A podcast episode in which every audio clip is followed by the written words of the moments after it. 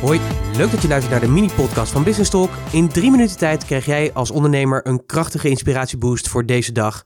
En de boost die ik je vandaag wil meegeven in de vorm van een inspiratievraag is: hoeveel mensen irriteer jij op een dag? En ik hoop eigenlijk dat dat er best wel veel zijn.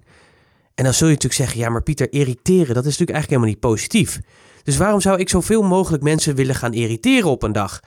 Nou, en de inspiratie voor deze mini-podcast die kwam eigenlijk uit een netwerkgesprek wat ik onlangs met iemand had.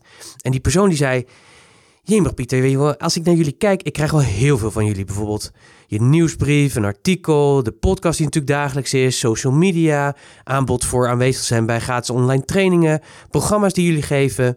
Hij vond het eigenlijk gewoon te veel. En toen zei ik tegen hem, hmm, maar dat doe ik eigenlijk dus nog gewoon te weinig. Want ik irriteer je nog niet lang genoeg. En toen bleef het even stil.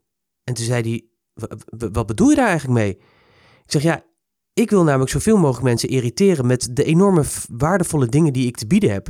Want degene die ik zo irriteer dat hij het op een gegeven moment zo zat is, ja, die gaat zich uitschrijven. Die wil niet meer te maken hebben met wat ik doe, omdat er een soort overkill is of omdat hij het niet waard vindt. En dat vind ik heel erg fijn, want die mensen zullen toch geen klant bij me worden. En daarom wil ik ook zoveel mogelijk aanwezig zijn en all over the place. Ik vind ook dat dat moet als bedrijf.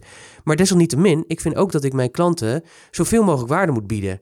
En als ik dat op een te klein level doe, ja, dan is dat eigenlijk gewoon zonde. Dus ik probeer zoveel mogelijk mensen te irriteren, zeg ik wel eens gekscherend, met de enorme waarde die ik te bieden heb. Want op het moment dat ik mensen zo irriteer dat ze het gewoon zat zijn, dan worden ze toch geen klant bij me en selecteer ik daar op die manier mee.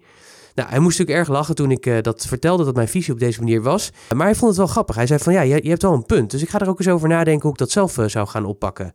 Het mooie is, is dat ik zelf hiertoe geïnspireerd ben geraakt door Dan Cardone. Hij is de schrijver van de 10X Rule en ik heb het vaak over hem, want ik vind hem echt een super inspirerende gast.